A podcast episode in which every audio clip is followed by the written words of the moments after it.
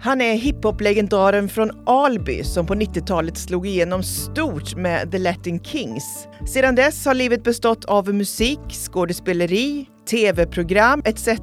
Men det har sannerligen inte alltid varit en dans på rosor. Inte minst med hans egen ekonomi. Idag gästar ingen mindre än Douglas Dogge Doggelito Leon Shoppa Lagom och delar med sig av sin historia.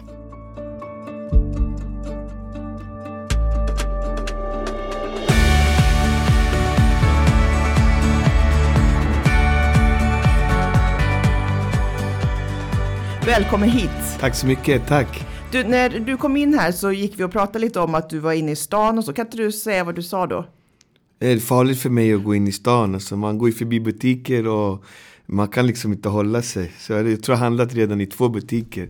Det är som stora tempel som säger till mig så här, kom och köp, kom och köp. Och så går man in och bara wow, det här var fint. Och så bara drar man korten höger och vänster. Så det är lite, det är lite speciellt att komma till den kungliga huvudstaden. ja. Det är så här, man känner sig någonstans som lantis eller first kid, kid som kommer in så här, wow, här har de så fina grejer liksom. Men hur ofta är du i Stockholm city? Jag är bara här när jag jobbar, annars är jag inte alls här. Jag är inte intresserad av att vara här eller bo här eller leva här. Men jobben drar mig hit. Jag får jobb och förfrågningar så att eh, på så sätt så finns det ju mycket jobb för sådana som mig som jag måste ta tag i och göra. Liksom. Mm. Och idag det, var det det andra jobbet här idag. Mm. Det var er och så var det en innan. Så att, eh, då hamnar man här. Mm. Så det är väl det. Annars har jag inget intresse. Jag är uppväxt i Botkyrka som är två mil härifrån. Så när man var liten så plankar man till Stockholm. Liksom, mm. Och hit och sprang runt och rände här. Liksom. Så att någonstans är det ens gator men ändå inte. Nej. Nej. Så du känner dig som en turist eller besökare nu här? Ja, sen, ja det gör man faktiskt när, man, när de rånar en lagligt. Liksom. Först åker man in 50 kronor på trängselskatt, sen ska man parkera, då är det 200-300 kronor. Och sen kanske man äter matbit, då är det 200-300 kronor till. Och sen ska man hem igen, då är det 50 kronor till på trängselskatten. Så innan man är klar, utan att ha gjort någonting, så är man minus eh, 4 5 600 kronor. Liksom. Bara sådär liksom. Så att, eh, för mig är det inget, eh, inget nice när man har liksom fem barn och, och krigar ensam med ekonomi varje dag. Ja, jag förstår. Mm. Vi ska prata lite om det. Men mm. när jag ser dig här nu, du har en mm. märkeströja på dig, du mm. har uh, märkesjacka, du har en fin klocka. Ja, och, ja, det, ja allt märkes, ja. Allt, allt, allt. Hur, hur, varför är det så viktigt? Det är inte viktigt egentligen. Alltså. Men jag gillar fina saker. Jag tror att det har med mitt tecken att göra. Jag är lejon och lejon är oftast att de ska ha... Antingen ska det vara bra grejer eller så inga grejer alls. Så att det, det är ofta så liksom. Så att man, man gillar fina saker. Det, och sen har det andra saker att göra med att när jag var liten så växte jag upp med ensamstående mamma, existensminimum, många barn. Vi hade ju aldrig någonting liksom. Vi fick aldrig någonting. För vi hade inte råd liksom. Så det började med att man började sno saker. Åka till Stockholm här och sno saker. Och så åkte man fast och så blev det historia kring det. Så att eh, när man väl eh, började tjäna pengar.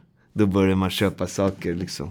Så fina, dyra saker som man aldrig hade råd med. Ja. Så att eh, på den vägen är det väl. Sen har jag haft turen och haft ett bra yrke som sångare. I år har jag sjungit i 39 år. Jag har gjort 18 album, vunnit två Grammys och invald i Swedish Music Hall of Fame. Och gjort hur många tv-program som helst och mm. filmer och böcker och allt möjligt. Så att det har ju gjort att jag har kunnat tjäna pengar mm. liksom i den här farten. Och det har också gjort att jag har kunnat slösa massa pengar. Liksom. Så att det, det är på både gott och ont skulle ja. jag säga. Liksom. Men jag gillar fina saker. Ja. Absolut. Men vad är det du har som huvudintäktskälla nu förresten? Det är fortfarande musik, eh, eh, reklamer, tv-program, eh, uppträdanden, föreläsningar, eh, konst. Jag säljer tavlor och så. Allt möjligt alltså. Jag gör väldigt mycket saker. Mångsysslare? Ja, mångsysslare. Ja. Jag, utan att skryta så är jag omtyckt av många och det gör ju att man får många jobb och erbjudanden, tack och lov fortfarande. Ja. Jag fyller 47 i år och som jag sa, sjungit i 39 år. Att man fortfarande får vara med man är bara tacksam när folk mm. ringer och är intresserade. Liksom. Ja, vi är jätteglada för att du ville komma med idag. Här. Ja, tack att jag får. Det, det är sånt som ger en energi, liksom, att fortsätta det man gör. Ja. Jag kommer ihåg när jag var 20, bara ska jag verkligen göra det här? Liksom. Uh, bara, jag vet inte. Så fortsatte jag. Så blev jag 30 så bara, jag ska verkligen göra det här. Jag vet inte liksom. Och sen uh, när jag blev 40 bara, ska jag verkligen göra det här fortfarande? Liksom hålla på och rappa och spela och musik. Och, och idag är jag 46 år och blir 47. Och idag känner jag så här, jag kommer göra det här 20 år till. Jag tycker det här, jag trivs jättebra. det känns helt okej okay, liksom. Det, ah, så man har någonstans uh, mognat i sin grej och älskar det jag gör tror jag mm. faktiskt. Mm. Ja, det är nog en förutsättning för att också jag lyckas. Tror jag älskar det jag gör. Så under pandemin här 2021 så gjorde jag fyra album och bara jobbade stenhårt och hade Oj. skitkul liksom. Ja. Men är du soloartist nu då? Jag har varit soloartist sedan 2007. Mm. 2007 kom min första soloskiva. Så jag slutade Latin Kings 2006. Så att jag gjorde fem album med Latin Kings och jag har gjort 13 soloalbum. Ja, det är många album. Uh. Ja. Men du, du nämnde här nu i förbifarten, du har fem barn. Mm. Jag vet att du har väldigt många husdjur också. Hade i varje fall. Hur ser hade, du på den fronten nu? Eh, jag hade faktiskt och eh, det, alltså, coronaåret har varit väldigt speciellt.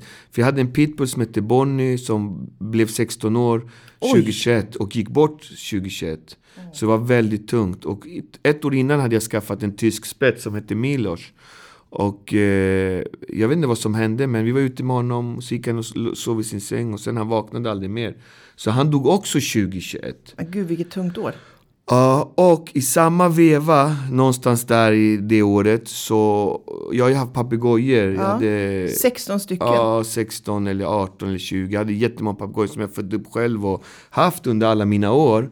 Under 2021 så var det många som dog så här. De låg så på botten och jag visste inte vad det var liksom. Och, eh, jag blev så ledsen varje gång jag hittade någon liksom. Så många som har dött 2021 har aldrig hänt. Så att jag ringde Jonas på Skansen och frågade om han kunde hämta mina papegojor. Och det gjorde han. Så att jag förlorade mina papegojor, mina två hundar som jag hade. Jag har just nu bara två fågelspindlar. Så här, jag, är alltid, jag är hundförare och har alltid haft hundar och älskar det. Men just nu känner jag bara att jag får vänta lite och bygga mig själv och komma tillbaka efter de här åren. Mm. Både ekonomiskt men också känslomässigt. Liksom. Mm. Eh, och sen får vi se vad det blir för någonting. Liksom. Men det måste ju kosta en del att ha så mycket, många djur. Djur kostar. Alltså det är mat, det är tid framförallt. Tiden är nog det mesta det kostar. Ja. Att du ska ut med dem, de ska underhållas, de ska få energi, de ska träna. Det är det som tar mest tid. Eh, sen eh, kan det ju bli dyra veterinärkostnader och, och sånt. Liksom. Jag skulle säga att tiden är det som tar mest. Liksom. Mm. Mm. Så att, eh, men papegojorna kostade, kommer jag ihåg faktiskt, 700 kronor i månaden med deras mat.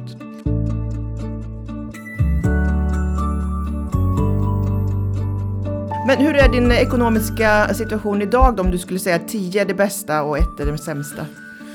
Det bästa är väl att jag eh, har jobb och det kommer in jobb liksom. Det sämsta är väl att jag är en slösare av rang liksom. Mm. Jag älskar att köpa saker till mig och mina nära och kära och barn och allt möjligt.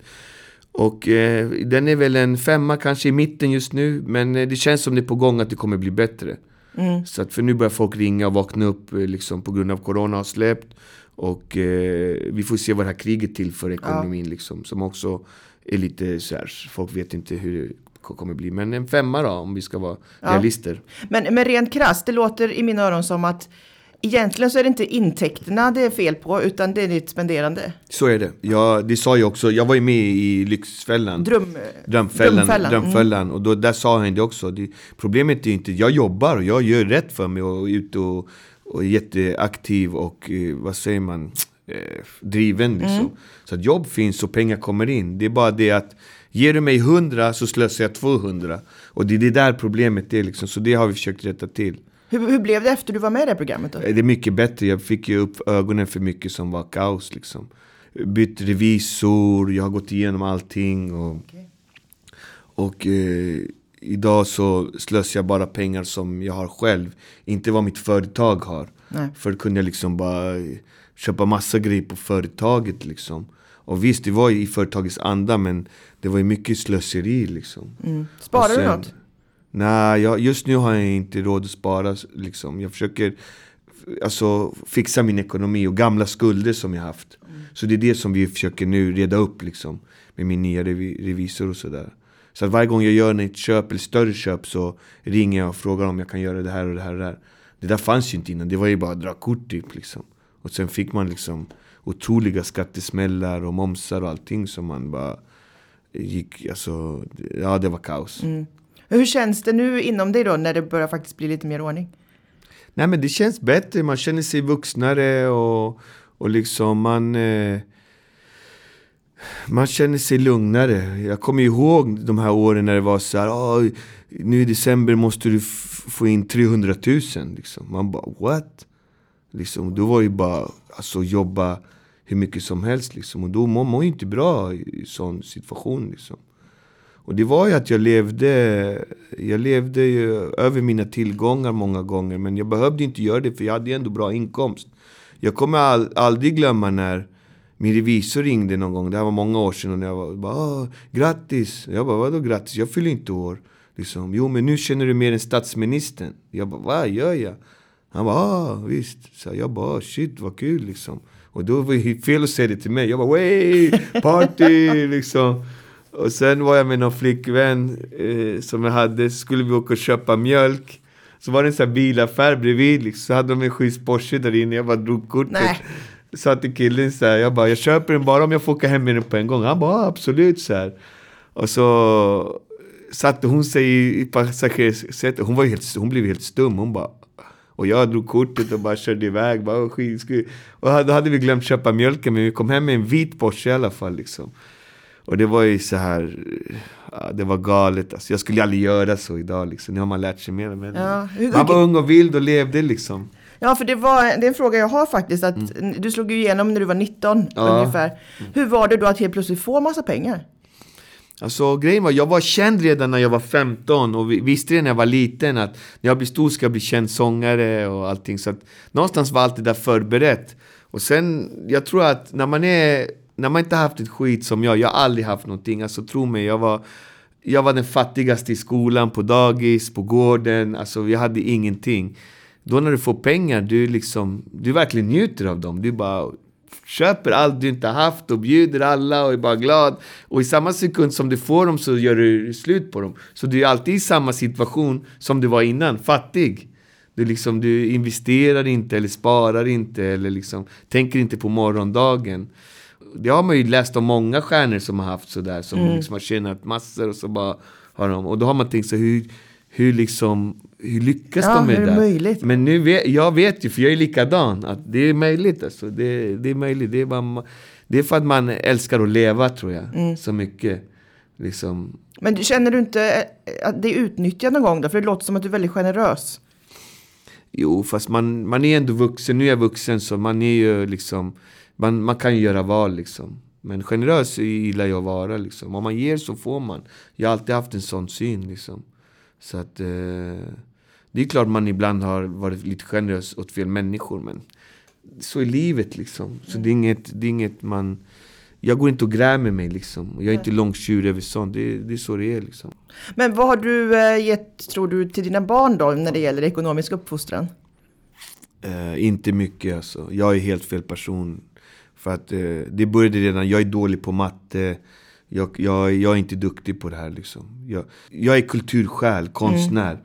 Det där är jag proffs på. Sådana som, men just matte, ekonomi, pengar. Det är inte min grej alltså. Det har aldrig varit det. Och det bästa med, med mig nu, det är att jag har accepterat det och förstått det. Förut förstod jag ju inte det, att det var så, låg så till liksom.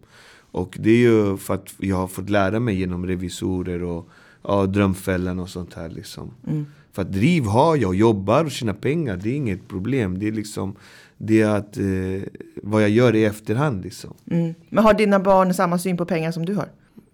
Jag vet inte. Några är unga. Och eh, min äldsta är, tror jag är mycket duktigare än vad jag är på det. Alltså. De blir annorlunda. Men har du liksom levt mycket i lyx? Ja, du nämnde den här Porschen och så. Eh, eller hur har livet varit? Det är jättelyxigt liksom. Det är klart man har unnat sig klockor och bilar och resor och hus och, och sånt liksom. Men det har inte varit någon överlyx sådär liksom. Jag känner ju vänner som verkligen tjänar pengar, stora pengar. Jag har inte tjänat så stora, stora pengar så. Men eh, jag har ändå haft ett bra liv, liksom, drägligt liv. Så, så det är väl det liksom. Så därför är det så synd att jag inte är mera betänksam eller tänker mera liksom. För Mm. egentligen har jag inte råd att göra allt som jag gör liksom. Jag är ju som alla andra, man vill ha det där fina och extra, man vill leva liksom. Man vill unna sig själv. Mm. Och jag unnar ju mig fast jag tänker inte på konsekvenserna. Och det är det som är, tror jag, min största fel. Mm. Det blir tråkiga följder när du blir skuldsatt liksom. Det, det är inte kul. Nej. Så det är väl det man vill reda upp liksom. Jag vet ju också sen vi såg ditt hem i Drömfällan, du har väldigt mycket prylar. Ja, otroligt mycket. Ja. Säljer du av någonting någon gång? Mycket har jag sålt under pandemin faktiskt. Jag har sålt alla mina bilar, jag har sålt hela min Star Wars-samling, jag har sålt klockor, eh, allt möjligt har jag sålt nu Wow. faktiskt. Och det har varit skönt sådär. Så jag har sålt av det som jag kunnat sälja av liksom, en del grejer. Så det har varit kul.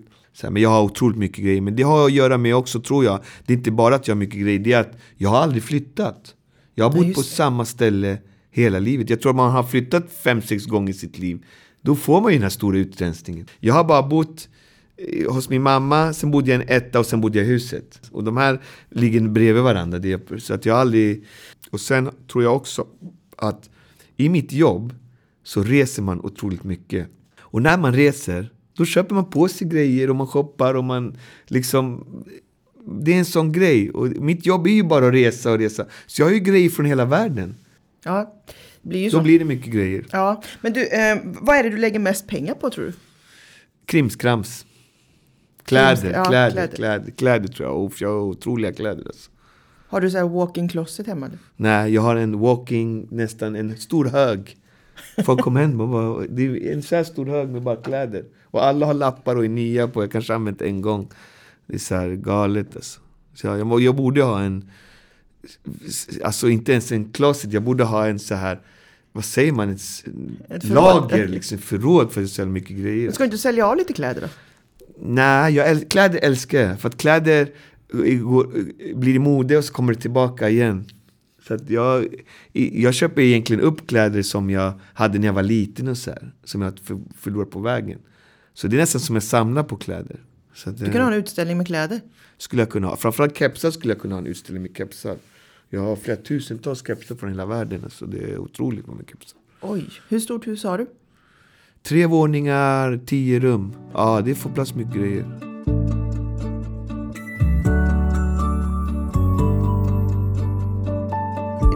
Ju också så att du påbörjade präststudier. Ja, e- egentligen var det teologiska studier. Jag ville läsa teologi eftersom jag sedan liten har varit troende och alltid varit med Jesus och Gud.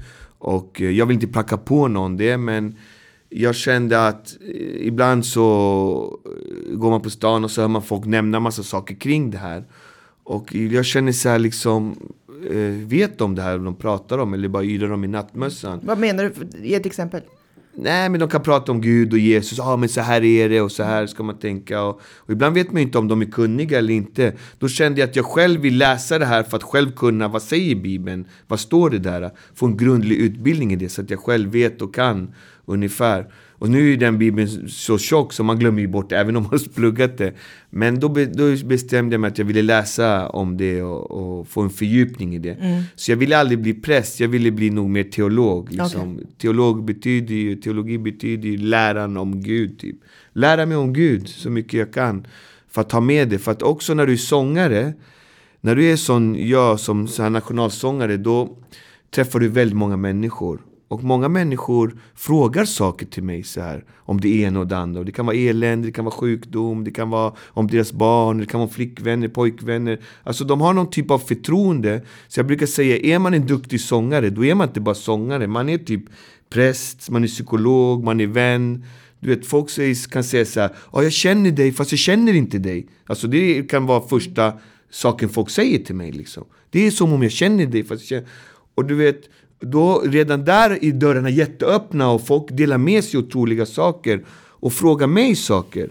Och då vill jag kunna ge ett vettigt svar och också veta vad boken säger eller Bibeln säger och Gud säger om de här sakerna. Så att någonstans så eh, hungrar jag efter de här studierna. Och då gick jag på Teologiska högskolan och läste två år. Det var bästa tiden i mitt liv faktiskt. Det var fantastiskt. Problemet var att pressen skrev massspaltmeter, men nu blir han präst, nu ska han bli präst. Mm. Fast jag har aldrig varit intresserad av att bli präst eller begrava människor. Jag tycker det skulle vara jättetråkigt. Jag vill bara göra folk glada. Mm. Mig, Doggelito ska vara synonymt med glädje och skoj och, och positiv. Mm. Men det var därför jag läste det där, för att liksom få en... Egentligen bara för mig själv, men också de här människorna som jag träffar på livets väg. Som frågar saker liksom, och kunna svara på ett så ärligt sätt som jag bara kan. Liksom. Bara... Svarar du då utifrån vad Bibeln säger och tycker? Det beror på hur frågan lyder. Men eh, jag vet ju, nu, man glömmer ju, det är så himla mycket i den här boken. Men man vet vad den säger om vissa saker. Och jag brukar säga så här, allt finns i Bibeln. Alltså, den är otrolig alltså. Det är en otrolig bok. Så att eh, den har svar på det mesta. Mm.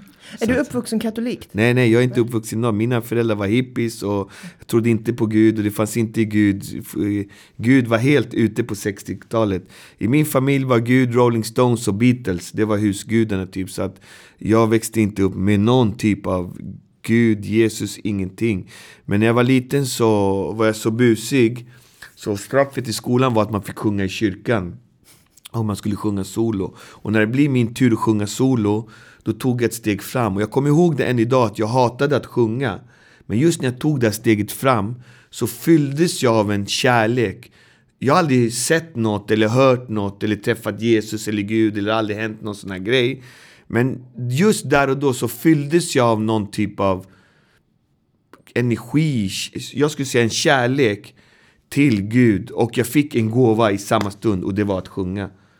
Och det, det har följt mig sedan den dagen. Och jag är glad med det. Liksom. Mm. Och jag vill inte pracka på folk eller så här är det. Eller liksom, jag, jag, jag gillar inte sånt. Liksom. Mm. Det här är något som handlar om mig. Sen eh, kan folk fråga, absolut. Men jag gillar inte att sitta och predika till folk. Liksom. Absolut inte. Nej. Det är inte min grej. Alltså. Men, men är det några andra yrken, förutom det du gör idag, som du skulle vara intresserad av att testa? Alltså jag har ju bara gjort det här hela mitt liv, så säkert massa grejer vill man göra. Man vill, ena dagen vill man vara det, ena dagen vill man vara andra. Som alla människor tror jag. Man vill, jag vet, jag skulle vilja bli skådespelare typ och spela in en film med Persbrandt till de bästa skådespelarna i Sverige. Jag tror, jag tror min förmåga där skulle vara bra. Har du aldrig fått något sånt erbjudande? Nej, jag har inte fått det än. Jag har väntat länge. Många ser det konstigt.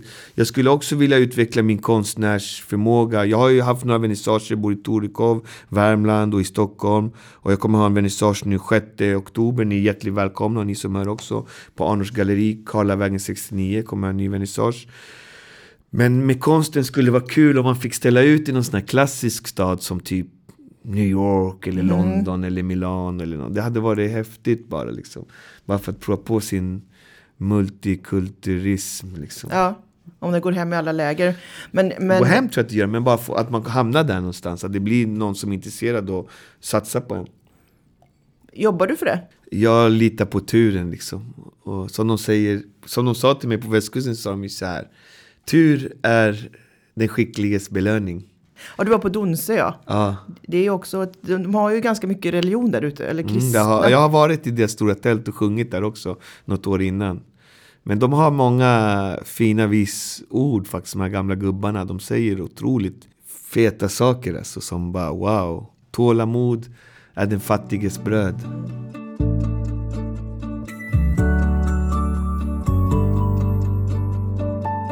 Jag tänkte att jag skulle passa på också fråga en helt annan fråga nu när jag ändå har det här. Vad tycker du om de svenska rapparna och den kulturen som är idag? Eh, ja, vad ska jag säga? Alltså, det är rappens evolution. Det är en, en grej vi måste gå igenom. Det vi går igenom idag gjorde USA för kanske tio år sedan. Alltså, gangsterrappen är en del av rapspelet och eh, det, det hände i USA för 10-15 år sedan och nu händer det i Sverige. Förmodligen så kommer vi komma ut på andra sidan där vi kommer mera medveten rap kommer komma liksom. Så det är bara växtverk egentligen. Rappen är inte så jättegammal i Sverige liksom. Om den börjar här i, i kanske ordentligt på 2000-talet eller 90-talet så började den i 70-talet i USA. Mm. Men jag lyssnar inte på rap. Alltså jag slutade lyssna på rap för 15 år sedan. Jag lyssnar bara på salsa från 70-talet. Så att jag inte, jag har ingen koll. Jag är inte med i, i lyssnandet. Fast jag fortfarande gör rap och sådär. Så, så har jag ingen koll på namn eller vem som är vad och vad de gör. Och, Och eh, musikaliskt så vill, har man andra inspirationskällor. I alla fall jag i alla fall. Min pappa är ju karibenier så jag lyssnar på karibisk musik mm. mycket. Alltså det är salsa och tropisk musik som, som intresserar mig väldigt mycket. Mm. Så rap har jag, jag lyssnar inte varken på amerikansk rap eller svensk rap, ingen rap. Nej. Så igår var det någon fotograf som fotade mig, då visade mig, kolla här, så visade han en bild på en rappare. Jag bara, vem är det? Han bara, vet du inte vem det är? Jag bara, nej. Och så sa han något namn. Jag bara, jag har ingen koll. Han är ju största rapparen i världen just nu. Jag bara, men jag lovar, jag har ingen koll. Alltså. Mm. Men ser så. du dig fortsatt som en del av svensk hiphop?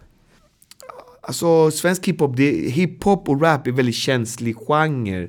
Så att... Eh, jag, jag skulle mer se mig som eh, professionell svensk musiker. Rap är en snäv, nischad genre som finns. Nu är det största sporten i världen och sådär, eller musiken. Men eh, ja, mina fans är inte hardcore hiphopare. Mina fans är vanliga arbetande människor som inte alls lyssnar på rap, men de lyssnar på Dogge. Mm. Och det där har jag lärt mig genom åren. För att hiphopare är ofta väldigt känsliga, trendkänsliga och det ska vara på ett visst sätt. Och jag och många för länge sedan har tröttnat lite på det där. Liksom. Att, eh, det började väl redan för länge, länge sedan. Liksom. Mm. Man, man mognar ju lite. Man mognar och sen, jag vill göra andra saker än att liksom bara vara tung hiphopare. Liksom. Mm. Jag rappar absolut, men jag rappar ju till salsa beats. Jag rappar, jag kommer ihåg när jag rappade på reggaeton för många år sedan. Då bara, vad är det här för skit? sa de. Och sen kom Despacito, då var reggaeton helt accepterat. Då hade jag rappat reggaeton i tio år. Så att man... Ibland så behöver man inte lyssna på alla, man måste gå sin egna väg inom musik. Mm. Och det är det jag gör nu. Därför, min mormor är från Hovenäset, från västkusten. Och eh, därför sjunger jag, jag, har jag gjort visskivor också, som inte kanske många känner till. Men jag har gjort otroliga visskivor faktiskt.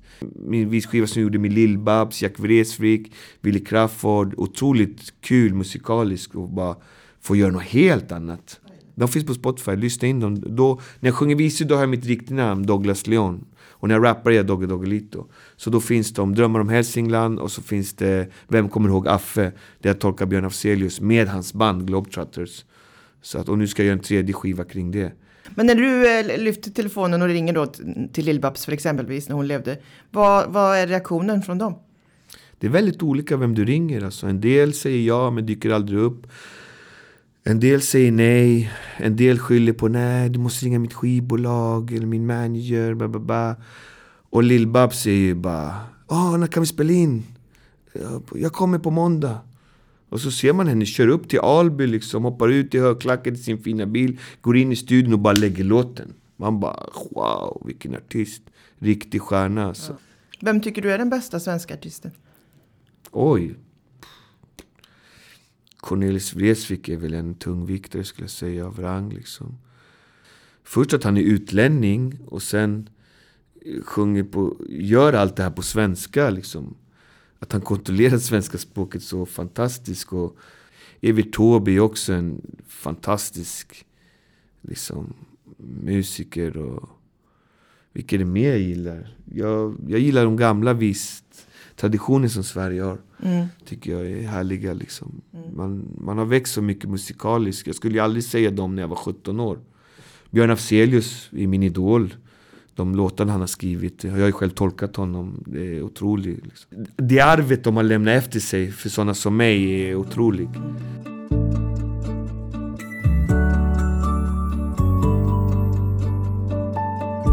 Om du fick eh, möjligheten att träffa dig när du var 15, 19. Vad skulle du säga till eh, Dogge Dogge Doggelito då angående pengar och annat? Jag skulle säga häng inte så mycket i centrum eller ha inte negativa vänner. Håll dig borta från droger, knark, alkohol, kvinnor och satsa på din musik och spela in mycket i studion. Jobba hårt. Hårt arbete lönar sig alltid. Men tyvärr, de här åren mellan 15 och 25 jag fastnade i allt det där negativa. Mm. Massa kvinnor, massa droger, massa alkohol och massa party och fester. Och eh, kastade bort egentligen viktiga år där jag kunde skapa. Tänk dig, nu har jag bara några album från min ungdom. Men tänk vilka album som inte gjordes. Mm. som jag skulle ha hört idag och bara wow, jag skulle ha kanske fyra, fem album till. Och det slängde jag ju bort på, på det där liksom. Och det var ju dumt. Eh, men jag skulle säga så till den liksom. Satsa, alltså ta vara på det, strunt i det här liksom negativa som, som bubblar, som finns där. Mm. Och just de här känsliga åren 15 till 25, man är så otroligt skör och känslig och, och gör egentligen ganska konstiga val egentligen. Liksom. Som bara resulterar i, inget bra för mig i alla fall. Nej. Varför tror du att du hamnade där då?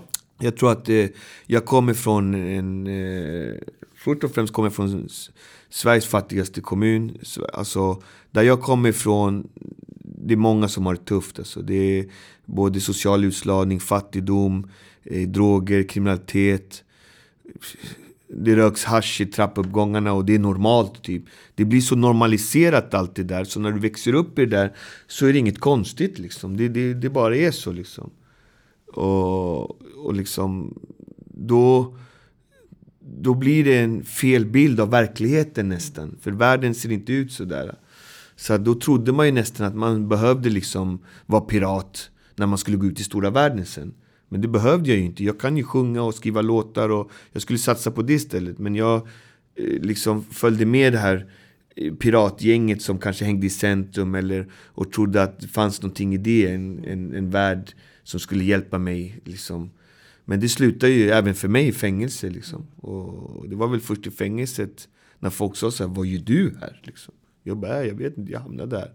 Aha. Då började jag först förstå så här, shit, det här är ingenting för mig alltså. Jag har en gåva, jag har en talang. Liksom, jag kan skriva skivor som vinner Grammis. Liksom. Vad gör jag här? Liksom? Det är sant.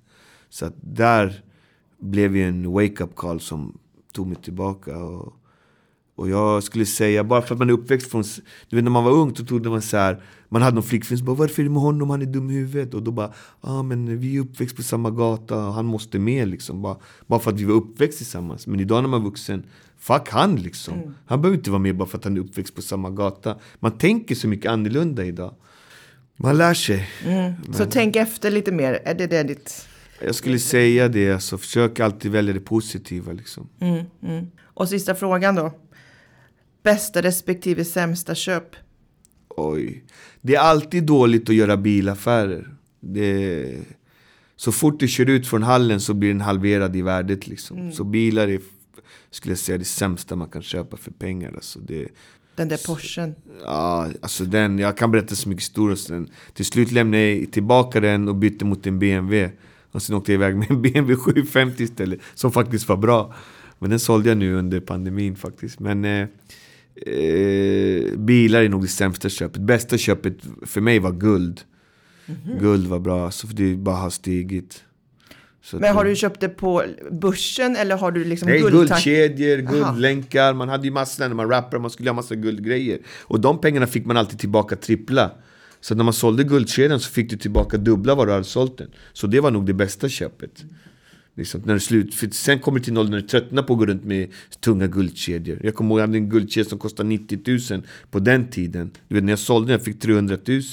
Alltså, Bra investering. Ja men exakt. Så guld har ju bara ökat.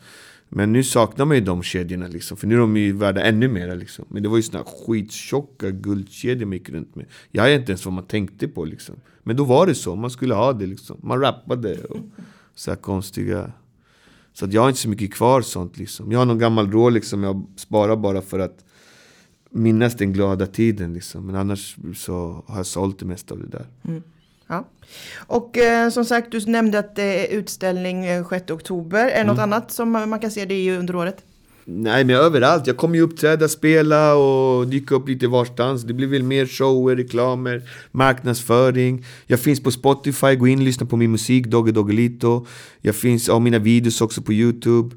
Jag finns också på Facebook, Instagram, Doggelito official. Så följ, lyssna och var med på den här resan som är Doggelito med svenska folket liksom. Till alla som har paraknas, full gas i varje fas, för cashen de tas Jobba hårt min vän, för cashen kommer sen Ingen kommer gratis dessa dagar av knas Och full gas i varje fas, för cashen de tas